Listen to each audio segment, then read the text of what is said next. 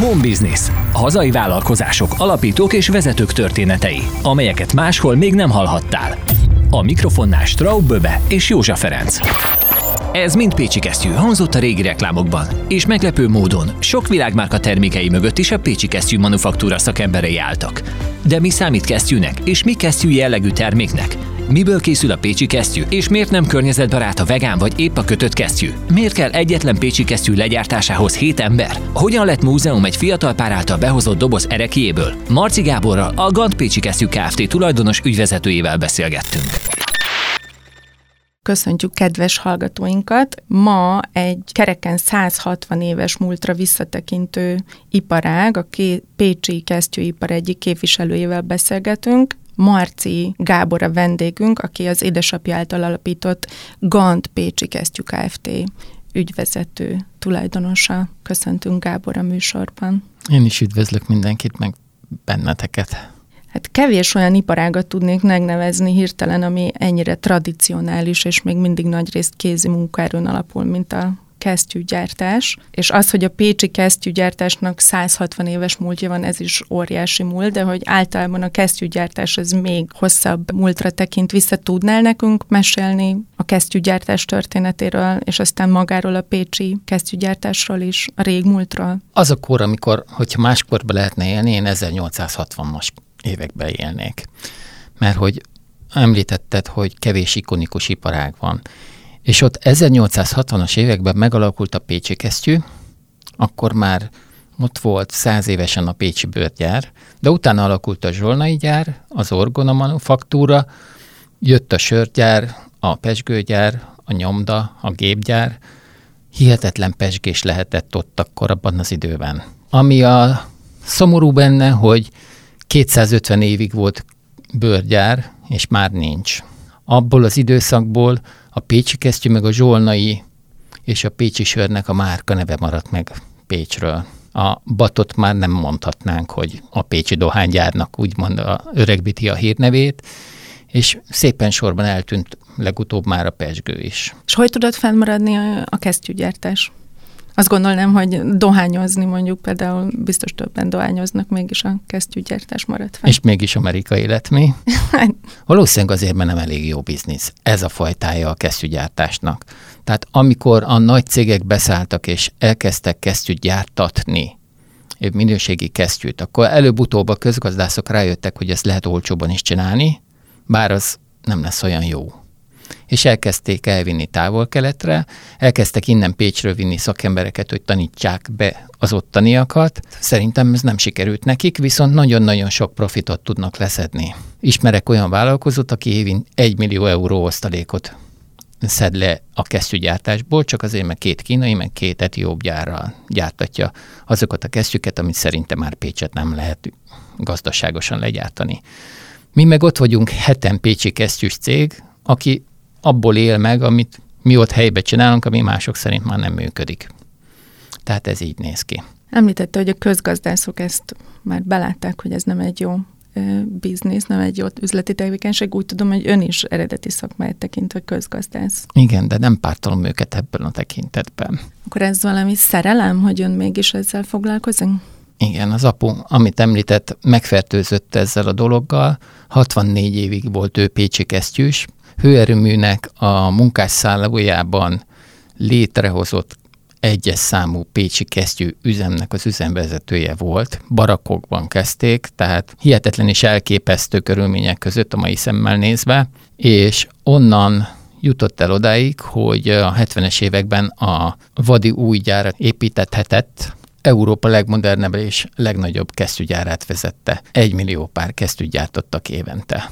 Ez a fénykornak tekinthető? Hát ez eléggé. De ez csak egy gyár volt a nagy Pécsi Kesztyűs ruházati vállalatnak, és uh, rengeteg telephelye volt a különböző megyékben, tehát Baranyában és a Somogyban, meg Tolnában mindenhol körbe. És eljutottunk odáig, hogy volt ez a nagy gyár, volt 4500 dolgozója, több millió pár kesztyűt gyártottak évente, és most hát inkább össze se adnám már hogy a maradék jelenlegi hét gyárban hány ember dolgozik, szerintem 400 alatt vagyunk, de ezt szeretjük. Tehát nagyon izgalmas, amikor jön egy budapesti csoport, mondjuk egy menedzser csoport hozzánk, mert látványgyár látogatás is van, befizetik, és akkor én ott ragyogok, és elmondom, hogy hogy gyártjuk a pécsi kesztyűt, és akkor azt mondja, hogy hát nagyon tetszik neki ez, hogy itt vagyok, itt ragyogok, és körbenéz, és maximum 25 embernek a munkahelyét látja. És akkor mondom, hogy igen, de mondom, nekem is volt 150 dolgozom, de amikor elment a, az amerikai nagymárkás táskacég távol-keletre, és puf, ott hagyott minket cakpak, akkor ugye szépen el, elkoptak a dolgozóim is, és más hivatást kerestek. A legjobbak viszont megmaradtak. Hogyha időrendi sorrendben nézzük, a másik hat kesztyűgyár is ilyen módon épült föl? Vagy Ó, ennél sokkal mókásabb volt.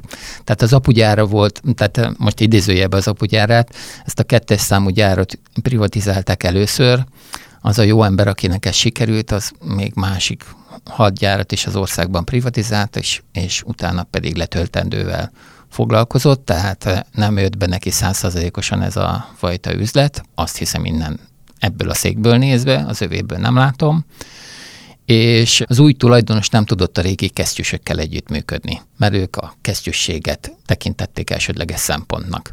És uh, nagy konfliktus volt, úgyhogy um, elég gyorsan, másfél év alatt kenyértörésre került a dolog, és akkor alakult meg a mi cégünk. Tehát a Pécsi Kesztyű az apuval ketten a családból, és még egy külföldi, meg egy budapesti, meg egy, egy pécsi kesztyűs kollégánk alapítottuk ezt a céget, és épp úgy, mint az ős pécsi kesztyű, tehát a szocializmus ős pécsi kesztyűjéhez viszonyulva szintén barakkokba kezdtük, tehát klasszikus nosztalgikus hatása volt az apunak legalább, és egy nagyon kis területen 15-20 fővel kezdtük, és abból csináltunk 5 év alatt 150 fős céget, ahol világmárkákat szolgáltunk itt. Tehát tényleg a, a Coach volt az amerikai táskás, de gyártottunk a Chanel-től kezdve a Bogner cégnek, tehát nagyon jó kis vevőkörünk volt. Ezeket mind imádtuk is, jöttek hozzánk a, a nagy cégeknek a tervezői, ott ültek az irodánkba, rajzogatták, hogy milyen kesztyűt kérnek, délután visszajöttek megnézni, hogy hogy csináltuk meg, stb. stb. Ez tök jó volt, és azért nem szeretem a közgazdászokat, mert amikor azok le, kezdtek el velem levelezni, akkor tudtam, hogy ezek a tervezők már többet nem jönnek. Hát mert ameddig a tervező volt a főnök, addig a legjobbat akartuk. Amikor közgazdászra kezdtem el levelezni, akkor meg már a legolcsóbbat. Nagyon érdekes az, hogy amikor egy ilyen márka, úgymond egy ilyen váltást választ, mondjuk gazdasági szempontból beszélve, érdekes azt végignézni, hogy a következő években a portfóliójukból szinte eltűnik a kesztyű. Lehet a miutánunk a következő évben eladni a kínai kesztyű jellegű terméket, de utána már nehéz lesz. Tehát egyszer az ember megveszi, és hoppá, ez már nem olyan. Mindenki érzi, hogy nem olyan, csak nem tudja, hogy miért. Ameddig nem kötik az orrára, addig, addig úgy tűnik, mintha jó. Ezért mondtam, hogy kesztyű jellegű termék. Megvan az eperizű szörp, nem? Igen. Na, az, az ugye nem látott epret. A kesztyű jellegű terméknek nem látott kesztyűst. Én, mint laikus, hogyan tudom a kettőt megkülönböztetni? Legjobb lenne a márka névről. Hogyha rajta van a magyar terméklogó, akkor tuti. Ja, értem, értem, tuti, értem. hogy jó kesztyű. Önök, amit gyártanak terméket, azt nevezhetjük kézműves terméknek. Kis ö, darabszámban élő munkával előállított termék. A mai fogyasztói világ az nem a tartós fogyasztási termékek irányába mozdul el leginkább. És maga, hogyha a kesztyűt nézem, akkor a kesztyű sem nagyon jelenik meg semmilyen ö, olyan divat kollekciókban, amik, amik olcsón, gyorsan, könnyen bárhol beszerezhetők. Ki az, akire célozok, akiknek terméket fejlesztenek? Az elejére visszautalnék, hogy, hogy nem kell a, az embereknek úgymond az örök termék. Sokat helyettesítek a boltban, mert szeretem a közvetlen kapcsolatot a látogatóinkkal. És mindig fölcsillan a szemük, amikor megemlítem, hogy a kesztyűre örök garanciát adok. A bélésre nem, mert ugye az egy százszerzalék gyapjú, és azért a, a szemétség lenne, hogyha ezzel kecsegtetném őket, de azt is kicseréljük, hogyha ha kilukad. Tehát a kesztyűre örök garanciát merek adni, mert hogy az a termék, az sokáig tart. Ki az, aki ma ma kesztyűt vásárol, és, és hogyha kesztyűt vásárol, akkor, akkor, akkor hajlandó megfizetni a minőségi felárat. Egyrészt az vásárol kesztyűt, aki környezettudatos, tehát rájött arra, hogy ha kötött kesztyűt vásárol, akkor szezononként kettőt vagy hármat vesz, és ő jobban akar kijönni, mert hogy nem az én kesztyűm a drága. Én ebbe biztos vagyok. A másik pedig az, aki kinéz a szemellenzője mögül, és nem azt látja, hogy én állatok bőrét dolgozom föl, és hogy ez milyen csúnyai dolog, mert szegény kis birkák Etiópiában tovább élhetnének, hanem végig gondolja azt, hogy amikor nálunk is van vegán bőrkesztyű, minden tiszteletem azok, azoké, akik ö, óvják ilyen módon is a természetet, de ő nekik azt tudniuk kell, hogy a vegán bőrkesztyű az százszerzeléki kőolajból készült. Tudomásul veszük, hogy vannak olyan emberek, akik ilyet szeretnének, de én meg azt mondom, hogy viszont, hogyha természetes anyagokból készítjük a kesztyűt, akkor meg még ráadásul tovább is tart, és amikor már nincsen rá szükség, akkor pedig nyom nélkül el fog tűnni. Kivéve a cérna. Abban látok olyan kockázatot, hogy abban nem megyek százszerzőkös természetes szálak felé. Tehát ki az, aki megfizeti a felárat? Nincs is felára. Értem, hogyha ebből nézzük, akkor, akkor valóban nincs. Hogyha három kötött kesztyű árát hasonlítom egy, egy bőrkesztyűz, akkor, akkor, akkor nincsen felára. Évi hármat. Évi hármat, igen. És akkor tízszer, az már 30 pár. Igen. Az már egy egy, Az van jó egy minőségű. már szem, szementes vödörnyi hulladék műszálból. Még az államosítást megelőzően a pécsi kesztyű az alapanyagokat azt Pécsen állították elő. Aztán jött az államosítás, ez fölkerült az alapanyagellátás Budapestre, illetve külföldre. Külföldről kellett be, behozni kesztyű alapanyagot.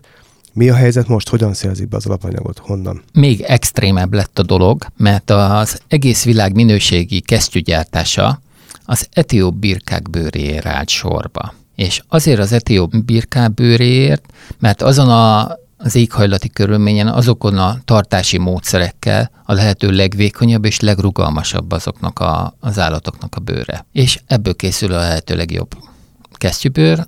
Mi Angliából vesszük meg, mert ott kapja szerintem a legjobb feldolgozottsági fokot. Ugye van a legjobb alapanyag, és attól még nem biztos, hogy a legjobb bőr lesz, mert láttam már olyat, ami ugyanabból készült, de mégsem lett jó, de az angol a leghíresebb bőrgyár ebből a szempontból, ők legyártják, és tőlük vásárolunk mi. Most az angol királynőnek a lovas századának gyártunk egy gyönyörű lovaskesztyűt, és van rajta egy 22 cm-es manzsetta, tehát csuklótól fölfelé majdnem könnyékig, ami egy iszonyatosan vastag rostbőrből készül.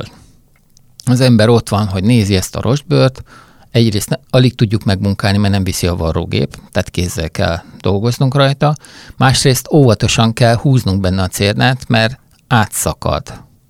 Tehát nem, nem arra való, ami, amire gondoljuk. Szintén mondta korábban, hogy a maga a technológia, amit használnak, ami ezt a minőséget biztosítja, Pécsi kesztyű alapításával egy idős közel 150-160 éves technológia is. Ez adja meg azt a fajta minőséget, amit ugye most tudnak képviselni. És akkor ezt így végighallgattam, hogy végignéztem, akkor azon gondolkodtam, hogy, és akkor hogy már rátérünk a szakember utánpótlásra is, hogy ezt a technológiát, ezt meg lehet vagy reformálni, érdemes megreformálni, vagy, vagy hogyan lehet átvezetni mondjuk a, a 21. század derakára? Amit említett, tehát 160 éve, amikor a Hamerli János megtanulta Németországban és Ausztriában a szakmát, és Pécsre hozta, tényleg azóta mi szinte nem nyúltunk ehhez a technológiához, és így lehet a világon a legjobb kesztyüket gyártani. Most eltekintve attól, hogy a cipőszektől megszereztük a, a csákozógépet, amivel géppel préseljük ki a kesztyűformánkat, a, és elektromos motor van már a varrógépben, a többi az ugyanolyan, mint amikor Hamerli megtanulta. És ami a furcsa, hogy aki azóta nagyot fejlesztett a technológián, az sosem azért, hogy jobb legyen a kesztyű, hanem hogy nagyobb legyen a profitja. Tehát, hogyha most itt beszélgetünk róla, akkor én tulajdonképpen azt gondolom, hogy a következő lépcső az lenne jó, hogyha kesztyűformájú Petri csészékben tenyészteném a bőrt színesben, és akkor már csak össze kellene varni, vagy készformájú sablonokat merítenék a úgymond a kesztyű sejtembriókba, amik majd szépen körbehálózzák, és csak le kell tekerni, és már is bélelhetem, és kész. Tehát e- ez egy izgalmas következménye lenne, viszont a biológus ismerőseim szerint ezt én nem fogom megérni. E, főleg azért, mert azt mondják, hogy akkor nem fog keresztbe tágulni, és abból nem engedek. Tehát mindenképpen olyan struktúrájú tenyészet kellene, hogy tudja, merre van az előre, tehát hogy nem ám akár merre egyformán tenyészthető, hanem legyen egy adott iránya. A másik meg, hogy nem akarják különböző színekben tudni megcsinálni. Hát, ha a technológia nem is tud fejlődni, attól azt gondolom, hogy azért nincsenek önnél 150-160 éves alkalmazottak, akik ugye ezt így a kezdetetől fogva tudják produkálni. Mennyire vonzó ez ez a szakma most egyébként a fiatalok körében? Mennyire könnyű, vagy mennyire nehéz új szakembert fölvenni, betanítani, kiképezni? Jó kérdés. Azt azért elmondhatnám, hogy biztos vagyok benne, hogy kevesebb olyan cég van a, a, az országban, akiknél olyan matuzsá elemek, most idézőjelbe tettem ezt a szót, dolgoznak, mint nálam. Tehát szeptemberben volt egy olyan hölgy, akivel megünnepeltük az 50. évfordulóját annak, hogy először varrógéphez ült. Az én cégemben az átlag gyakorlottsági idő az 3-4 évtized. Ezek az emberek készség szinten gyártanak kesztyűt. Tehát mindig kell figyelnem arra, amikor valami újat szeretnék, egy új modellt, hogy sosem mondjam meg azt, hogy hogyan csinálják ők a legjobb kesztyűt, mert akkor ha rám figyelnek, akkor biztos, hogy rosszabb kesztyű lesz, mint hogyha maguktól csinálják. Tehát nekem csak az irányokat szabad megmondani, és sosem szabad úgymond részletekbe szabályoznom, mert akkor nem lesz olyan, mert mert mondom, hogy ők készségszinten dolgoznak. Ez a különbség, ami egyébként fenn van, fennáll azzal, hogy aki távol-keleten kesztyűt csinál, ott például szabályozottak a folyamatok, pontosan le van szabályozva, hogy mikor, mit és hogyan kell csinálnia a dolgozónak, és ráadásul ezek a folyamatok annyira le vannak egyszerűsítve és felszabdalva, hogy ilyen legószerűen kipatintható emberekkel dolgoztatnak. Tehát volt olyan nagy márka képviselője, aki visszatért hozzánk a távol-keletről, illetve nem hagyott el minket, csak szeretett volna, de nem tudta feladni a kesztyűs elveit, úgyhogy velünk folytatta a munkát, és azt mondta, hogy nem csak azt kellett elviselnie, hogy a varrónő nem ugyanaz, mint két hete, hanem már az az ember sem, az a technológiai vezető sem, akinek ő elmagyarázta. Egy nyolc éve 60 ember képeztünk ki a klaszter szinten három-négy cég segítségével, akiből senki nem maradt meg két évnél tovább. Most is vannak kísérletek, kíváncsian nézem, hogy másnak jobban sikerül-e. Ami viszont biztató, tehát a gyerekek viszont imádják a kesztyűgyártást. Tehát nálunk a, a múzeumban, meg a látványgyárban van iskolai foglalkoztató bemutató, tehát jönnek hozzánk osztályok, és legutóbbi alkalomnál is olyan cukik voltak, végén megkérdeztem, hogy ki szeretne jönni hozzám dolgozni. És a 60 százalékok föltette a kezét, és újongva mondta, hogy ők igen. Hát sajnos a szüleik majd le fogják beszélni erről őket, de nekik nagyon tetszett például ez a mondat. A, az én célcsoportom ebből a szempontból az, aki úgymond megtanulja a dolgokat, de nem szeret mindig tanulni.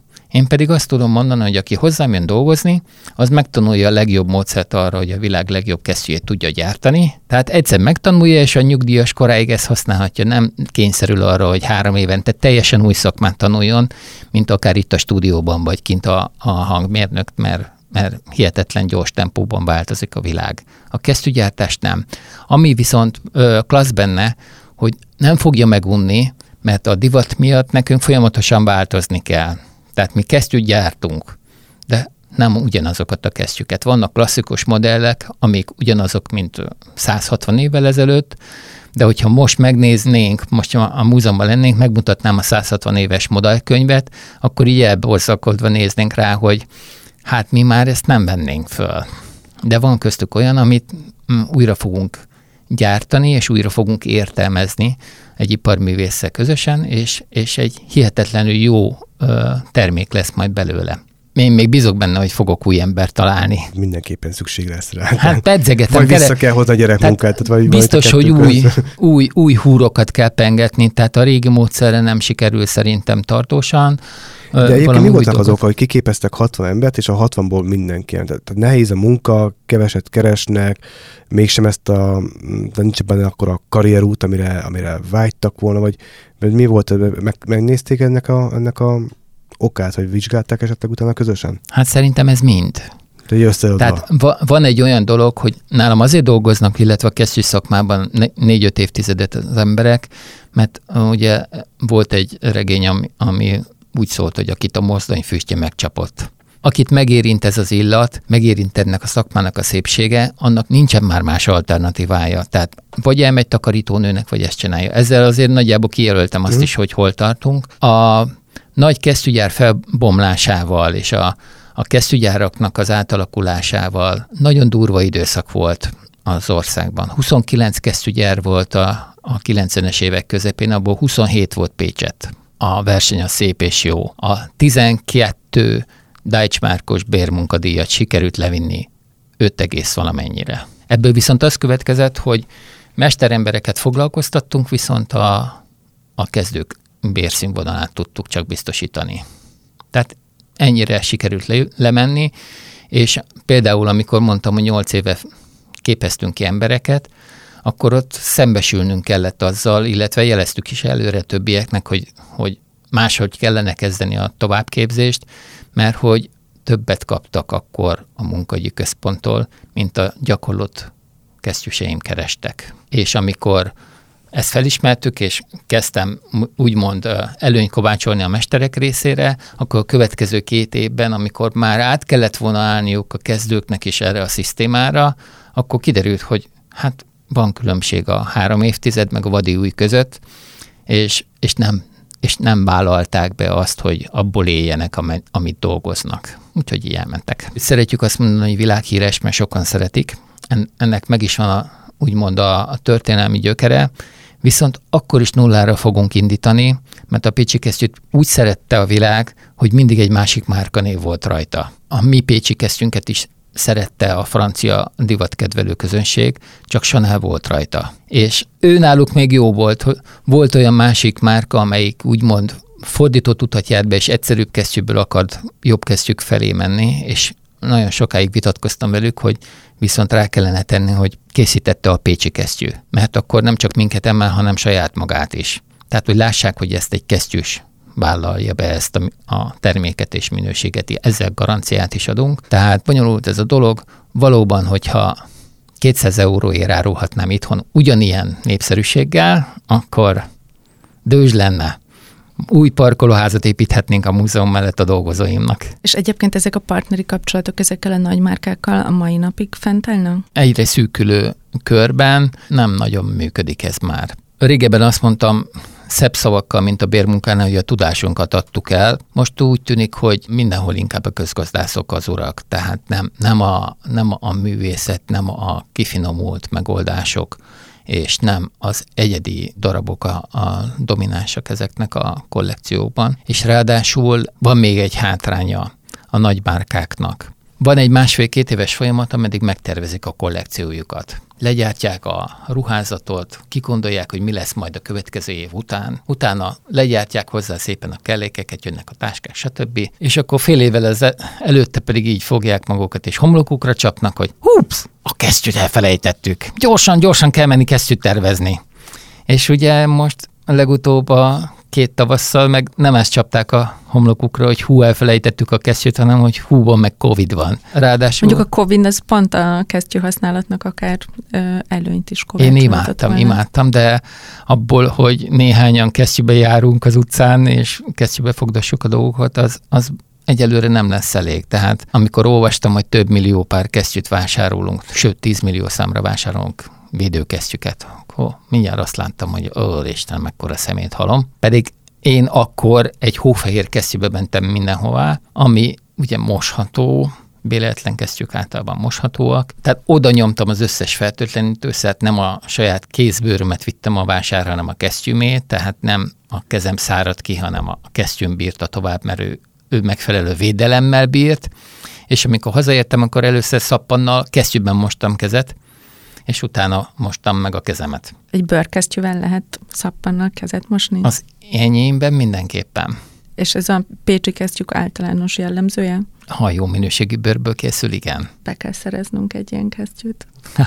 Azért kérdeztem, hol lehet kapni. Hát, kell jönni Pécsre. És hogy még a, az árfelépítését megértsük, meg úgy általában ezt a szakmát, mire az én kezemre egy ilyen pécsi kesztyű rákerül, hány ember dolgozik ezen a kesztyűn, azon az egy darabon, ami majd az enyém lesz remélhetőleg nem sokára. Hát képzelje el, hogy én nem tudok úgy kesztyűt csináltatni az üzemembe, hogy hét ember legalább ne dolgozzon vele. Tehát van egy kesztyű, ami ugye egy terméknek látszik, de az, aki a nagyollót fogja, az nem fog géppel varni, aki az egyik fajta varrást nemben var géppel, az nem ül át a másik géphez. Tehát ritka, mint a fehér holó az, aki esetleg kettő, netántán három ember munkáját elvégzi, de a hetet nem. Tehát, Ez mindig is így volt? Tehát Igen, ez 160 éve is ennyi ember dolgozott egy kesztyűn, és ma, ma is így igen, néz ki. ez nagyon mókás, amikor egy karácsonyi vásárból megyek, és megnézek egy kesztyűst, vagy egy, egy szörmést, aki ugye a szörmések mindig ott vannak karácsonykor, a legjobb biznisz nekik, mert hideg is van, és ugye szép szörme ott van, és akkor van kesztyű, és akkor oda megyek, és amikor szörmés van ott, azt mondom, hát ki gyártotta? Azt mondja, ő. És mindig akkorát szoktunk nevetni, már mint ő kényszeredettem velem, de elragadom, mert hogy ő is tudja, meg én is tudom, hogy ő nem csinál kesztyűt. Tehát az a kesztyűt, amit egy szörmés csinál, az, az, az, az nem, nem az a kesztyű, mint amit ott árul. Tehát a- az ilyen vicces. Tehát ők, ők, ők is több emberrel gyártatják, vagy mi a Ők is konklúzió? Pécset gyártatják. Ah. Ugye négyen alapították ezt a céget, Igen, és aztán később volt ebből kiválás, és családtagoknak pedig beszállása. igen, igen. Hát eh, ez egy igen súlyos folyamat. Mi nekünk szerencsénk volt, mert nagyon jó partnerekkel jöttünk össze, de nekik más volt a hozzáállásuk és az igényük. Tehát nagyon hamar jelezték ők, nem ezt a, a úgymond irányzatot szeretnék képviselni, mert nem ezzel a szenvedéllyel éreztettek a kesztyük iránt, mint mi. És folyamatosan 12 évig arról szólt az életünk, hogy kivásároljuk ezeket a partnereket. Tehát ez nagy áldozatokkal járt, mert akkor volt jó a biznisz, mai szemmel visszanézve, tehát 150 dolgozóval valószínűleg, hogy jobban lehetett hasítani, mint most, de akkor minden erőforrásunk arra ment, hogy túléljük azt, amikor valaki kiválik a cégből, és azért lett családi vállalkozás, mert akkor az apunak ez volt az ideája, hogy így biztos nem lesz olyan nagy baj. És nem volt kérdés, hogy ön fogja átvenni édesapjától ezt a vállalkozást? Tudom, hogy van egy Aha. testvére is. Igen, igen. De én nem vettem át, képzeljen, én 93. március 1 óta vagyok az ügyvezetője. Igen, de Tehát, me- együtt- hogy, volt, hogy volt akkor a Hát, munkamegosztás az édesapja és ön között? Első naptól együtt csináltuk, és én voltam az ügyvezető, mert ő beteg volt, tehát ő táppénzen volt. Hát első naptól ott voltunk, mondta, hogy hogyan, meg mint, ő nagyon vitte a, ugye a technológiai részét, én a, a közgazdasági részével kezdtem bele, és egyre jobban rákényszerültem, hogy eljussak a, a kesztyűkészítésig, úgymond, de folyamatosan együtt csináltuk. És az volt egy nagyon érdekes, amikor három évvel ezelőtt észrevettem, hogy a nagy Hunor Pécsi Kesztyűs Bőruházati gyárnak az elnök vezérigazgatója, aki a szín, én szememben úgy, úgymond a főkesztyűs volt gyerekkoromban. Kiderült, hogy 24 és fél évig volt cégvezető, és mi meg akkor ünnepeltük a 25. évfordulónkat, és akkor egyszer leesett, hogy hoppá, hát akkor én már régebb óta vagyok ügyvezető igazgató, mint ő. És akkor gyorsan megnéztem, kiderült, hogy második vagyok a 160 éves Pécsi kesztyű történetben, most már 28 éve cégvezető vagyok, és Hamerli János, a kezdő alapító volt, aki 33 évig volt felelős cégvezető. Úgyhogy ma rövid távú tervem is. Öt éves terv, igen, Ja, egy öt éves tervezi. Jó. mondhatjuk. Azt között, hogy kiváltak, egykori tulajdonos-társak, ez mennyire volt hatás a cég életére, milyen nehézségek voltak? Veszettek-e piacokat, kellett-e új piacokat bevonni? Igen, ez, ez mind. Tehát amikor a német partnerünk kivált, akkor ő nagyon gyorsan meg is szűnt. És nekünk ő volt akkor a fő vásárlónk is, nem csak a befektető partnerünk. És a, tehát akkor egy jelentős ö, piacot elvesztettünk Németországban, akkor jött helyette Franciaországban még két másik márka. Tehát akkoriban azért volt könnyebb, mert, mert mi voltunk a távol-keleti kesztyű most idézőjelben, pedig úgy csináltuk meg, mint ők akkor ott, csak fillérekért. És milyen piacokra gyártanak most? Pécsi kesztyűt nézve a világ minden tájára. Tehát azt tudom, mert hogy vannak olyan amerikai produkciós filmek, amiben van Pécsi kesztyű, és tudom, hogy az egyik partnerem kiposztolja azt, amikor Dél-Amerikában van a premier, mert tudja, hogy akkor Dél-Amerikában is fognak tőle autós kesztyűt venni. Az én saját cégem az a, az angol, német, francia és a magyar piacra korlátozódott most. Ezek azért nem kis piacok. Nem kis piacok, de az angol piac most egy elég kemény piac lett, pedig azt mondják, hogy soft Brexit volt. Mondjuk nem tudom, milyen lett volna a hard Brexit, hogyha valaki tudja, akkor legyen szíves, mondja meg. Egy picit beszéljünk a Kesztyű Múzeumról. Hogy honnan jött az ötlet, mikor kezdte el megvalósítani, kivel kezdte megvalósítani, hol tart most? Ez nagyon klassz időszak volt, mert ez egy éles váltást eredményezett, ez a, az a gondolat, amikor ez belénk hasított, hogy valami más kell csinálni. Addig mi is a Pécsi kesztyűre, mint egy termékre tekintettünk. Egyszerűen a mindennapi életünk arról szólt, hogy hogyan tudunk jobban, hatékonyabban, határidőre, pontosan kiszolgálva a vevőket, kezdjük gyártani. Az volt az érdekes pillanat, amikor az irodánkban megjelent egy fiatal pár, egy nagy dobozzal a kezében, és letette az asztalra azt a dobozt, amiben az ő apjuk összes kesztyűs emléke benne volt. Ugorjunk vissza akkor a szocializmus a 48 utáni időszakba. Akkoriban a melósoknak elérhető volt folyamatosan egy kitüntetés a kiváló munkáért. Ott voltak a kitüntetések, ott voltak a nagyobb kitüntetések, ott volt a Úristen, ezt is megkaptad kitüntetés, ezüst logarlécek, oklevelek, stb. stb. feljegyzések, minden. Ott volt egy doboz. Ami számomra megrázó volt, az az, hogy én ezt az embert ismertem, mert amikor négy éves koromban a nagyszobának az zöld szőnyegén matchboxoztam, akkor ez a bácsi a szomszéd utcából az apuhoz mindig átjött, amikor rá voltam bízva, és hallottam őket, és ott kesztyűztek a fotelban, mert hogy a hétfő péntek nem volt elég, meg a plusz kommunista szombat, hanem még a szabad szombaton is. Tehát eh, én, amíg játszottam, félfülle mindig a, a kesztyüket hallottam.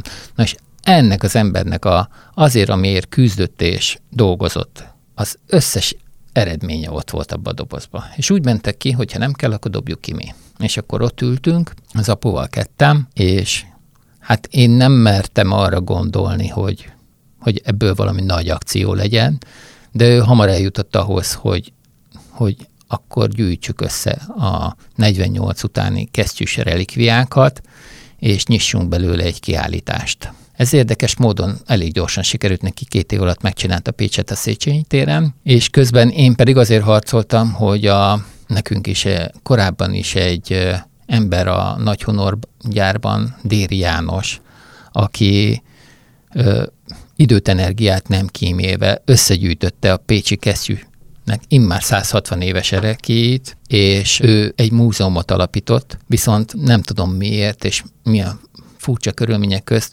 nem Pécset lehetett megnyitni a Pécsi Kesztyű Múzeumot, pedig a, ez a gyár volt a Dél-Dunántúl legnagyobb exportáló cége, és Pécsvárosi tanács sem egy kis miska volt. Tehát mind a kettő olyan hatalmasságnak tűnik mai szemmel visszanézve, hogy azt gondolná az ember, hogy bármit meg tudtak volna csinálni. Na most ehhez képest a Siklósi várbörtönben volt a Pécsi Kesztyű Múzeum. Én is csak egyszer voltam, és egyszer meg majdnem csak akkor zárva volt, amikor oda látogattunk. És amikor felújították a várat, akkor bedobozolták a múzeumi anyagot, és a Janus Pannonius Múzeumnak a értékmegőrzőjébe került, ahonnan évek alatt csak ilyen kis mutatóba tudtunk kiszedni egy-két példányt, illetve nekik is voltak remek kesztyűk kiállításai, ami egy-két hónapig volt látható. És akkor a kamarával és a Szigetvári Takarék Szövetkezettel karöltve sikerült úgymond kiszedni belőlük ezt az anyagot, amivel az apunak a pilot projektjét, bevezető projektjét mi látták, hogy a Széchenyi téren milyen lelkesedéssel lehet egy 48 utáni időszakot is prezentálni, akkor tudtuk megnyitni most a Pécsi belvárosban ezt a kiállítást, ezt a múzeumot. És azóta is működik? Igen. Gondolom a pécsiek közül meglehetősen kevesen lehetnek azok, akiknek legalább egy hozzátartozójuk nem dolgozott valaha a Pécsi kesztyűgyár valamelyikében. Tényleg, tegyünk fel egy hirdetést, hogy van-e olyan Pécsi, akinek nincsen egy ismerősebb vagy rokona, aki kesztyűs lett volna korábban. ha nem jelentkezik senki, akkor... Ha nem jelentkezik senki, akkor ön Akkor volt. akkor gondolom azért tényleg nagy népszerűségnek örvendhetett legalább a megnyitás után években biztos mindenki. Hát a megnyitón feltétlenül rengeteg kesztyűs volt ott, és a, a múzeumok éjszakáján az, az egy speciális nap, mert akkor jönnek a kesztyűsök, akkor ingyenes a kiállítás, és ugye egész éjjel szabadon lehet garázdálkodni az anyagaink között. Ilyenkor kihozzuk az összes fényképalbumot, és akkor ott, ott vannak ám a, az unokák, akik nagyikat keresnek, és hihetetlen hangulatot tudnak teremteni ott a múzeumban, tehát más. Tehát olyan múzeum olyankor, hogy Ricsai Múzeum. 18-ban elnyert az évvállalkozója díjat. Ezt is kibányázta? Nem én, ezt bebeványáztak. De jó. Tehát ez, az, az, ez nagy meglepetés volt. Az, hogy a vosz ilyet kapni, hát a vosz vállalkozók adják ezt, és, és én még csak tag se voltam elnézést, mármint tőlük, és így kaptam ilyen országos díjat. Van ennél nagyobb vágya? Hát valószínűleg a díjakhoz való hozzáállásom miatt én ezt nem használtam ki jól. Tehát, hogyha most ilyen szárazon fölteszi ezt a kérdést, akkor azt kell válaszolnom, hogy akkor ezt elrontottam. Tehát én nem tudtam belőle semmit kihozni. A többiekről nem tudom, akik ott velem együtt vagy később ugyanezt a díjat hozták, de nyilvánvaló, hogy ez egy marketing érték is. Majd igyekszem. Most ezt eltesztem a fejembe, hogy ezt igen, ez használjam ki most, mert hogy ez tetszik önnek is. Attól még nem biztos, hogy tömegrendelés lesz, de... de... Hát most már ezt elszúrta. De, Tehát de... most már nem az lesz, hogy két kesztyű megy ki a boltomból, amikor jön, hanem már három. Azóta tudom, hogy, hogy hogyan kell megvenni ezt a kesztyűt. Tehát egy, egy, egy órát várom azt, hogy azt mondjuk, hogy na, ide kattintasz, vagy ide eljössz, itt lesz, ja, lesz ott egy, van, lesz Pécs egy, Ferencesek utcája 17. Lesz Higgye, hogy az a legjobb. és akkor, akkor, Most akkor, miért, akkor megvan. Miért csinálnánk kisebb bizniszt ebből? Tehát itt vagyunk Budapesten most, ugye ez, ez köztudat. Igen. Hát be kell ülni abba az autóba, el kell jönni a mediterrán, az ország mediterrán városában, mert hogy mi annak Most hirdetjük. már az egyik, tehát így a Igen. Mátrától, Mátráig minden lassan mediterrán De város. De a többiek lesz. nem mediterrán városnak hirdették magukat, mi meg már tíz éve annak hirdetjük, tehát mi, mi nyertünk. El kell jönni. És akkor ott eltöltenek velem egy klassz délutánt, és annyi pécsik kesztyűjük lesz, hogy sokkal több, mint amire számítottak. Miközben megismerhetik a 160 éves pécsi kesztyűnek az erekéit, rengeteg sztorit, mert én itt nem árulok ám el mindent, mert akkor nem tudok elég belépő díjat szedni tőlük, és a látványgyárban is megmutatom saját kezemmel is, hogy az én dolgozóim hogy és miként csinálnak kesztyűt. Például nagyon izgalmas kérdés, hogy tudja hogy egy kesztyűsnek hol van bőrkeményedés a kezén? Megmondom az ujján. Mm, hát igen, de hol? Mutató most nem a, de most első nem a, perce. Tehát a, a tenyér felülő oldalon? Arra gondoltam. Igen, igen, igen. igen, igen, igen, igen. Mint hogyha kapálnának. Hát nem, a kesztyűsnek kész fejoldalán van bőrkeményedése. Nem hord kesztyűt, vagy? De hord, de munka közben nem hord, és ugye ahogy egy szabász nyújtja a kesztyűbőrt, hogy itt az első perceken kapja a legnagyobb terhelést, ahogy, bele, me, ahogy megragadja a kesztyűt és nyújtja. De ugye most ez a hallgatók most nagy bajban vannak, mert fogalmuk sincs, hogy ezt elképzelni, de ez a lényeg, tehát ezért kell oda lejönni. Mm. Meg egyébként is, hogyha egy életre veszel egy kesztyűt, akkor ezt már egybe lehet kötni. Ugye, egy... azt már érdemes akkor rendesen csinálni. Én már csak ebben gondolkodom, hogy, már, hogy egy életre veszek mindent, szóval már nem... Vagy két életre. Hm? Hát lehet, igen. Az is lehet. Miért ne érjünk addig, mint a kesztyünk? Tehát akkor lehet két életünk. De elmondjam, hogy mi a, amire leg, leginkább büszke vagyok most? Nincs a világpiacon olyan kesztyű, mint ami most nálunk meg fog jelenni. Pedig banális. Egy kis csavarral. Kerékpáros kesztyű. Kerékpáros kesztyű teljes újjal, bélelten, nincsen. Na most ehhez képest mi még tettünk hozzá egy automata indexelő pántot, ami azt jelenti, hogy ha lefelé lógatja a kezét, akkor nem villog, ha felemeli, azonnal villog, és mutatja, hogy merre megyünk. Szerint. Annyira élvezem. És akkor utána még tettünk bele egy csomó protektort, hogy ha már valaki ö, városi dzsungelharcos, úgymond a kerékpárjában, már pedig itt Pesten eléggé vad viszonyok vannak, akkor legalább legyen biztonságban a saját bőre, tehát a legnagyobb esésnél is, ha kitámaszt, akkor, kitámaszt, akkor maximum egy protektort kell cserélni, majd a kesztyűjén azt majd megoldjuk, és akkor ugye cukiság, hogy a négy ujjára tettünk uh, mobilbarát bőröket, hogy ne kelljen levenni, amikor mutatja a, úgymond a térképet menet közben. Tehát hihetetlen. Úgyhogy e- ezt fogom most bevezetni, ha sikerül. Ez még idén? Hát szétszednek az emberek, mert akik hallottak róla, van olyan lány, aki már harmadszor bejött a boltba, hogy akarja, és mondom, még nem adom oda. De azt mondja, már azt mondta, hogy októberben lesz. Mondom, még van tíz napom. Kíváncsi vagyok, hogy hétfőn jön-e, mert, vagy kedden jön-e, mert november van, úgyhogy azt hiszem kedden kell neki kesztyűt adnom, vagy majd, majd baj lesz. Tehát egy prototípus már lesz keddig talán? Nem, már több készen van, csak a kampányt kell kitalálni. Köszönjük a beszélgetést, és mindenkit azra buzdítok, hogy látogasson el Pécsre. Pécs egy szuperváros, és nézze meg a kiállítást. Marci Gábor biztosan mindenkit szívesen végig kalauzol. Na ugye? Ugye? A hölgy ezt tudja. Tehát nem izé, neten pötyögni. El kell jönni hozzám, higgyék el, hogy jól érzik majd magukat. Én nagyon szeretem Pécset, biztos, hogy fogok menni, és majd becsöngetek a múzeumba. Szuper, Köszönjük Mindenki a... menjen Pécsre. Köszönjük a Köszönjük beszélgetést. Szépen. Köszönöm.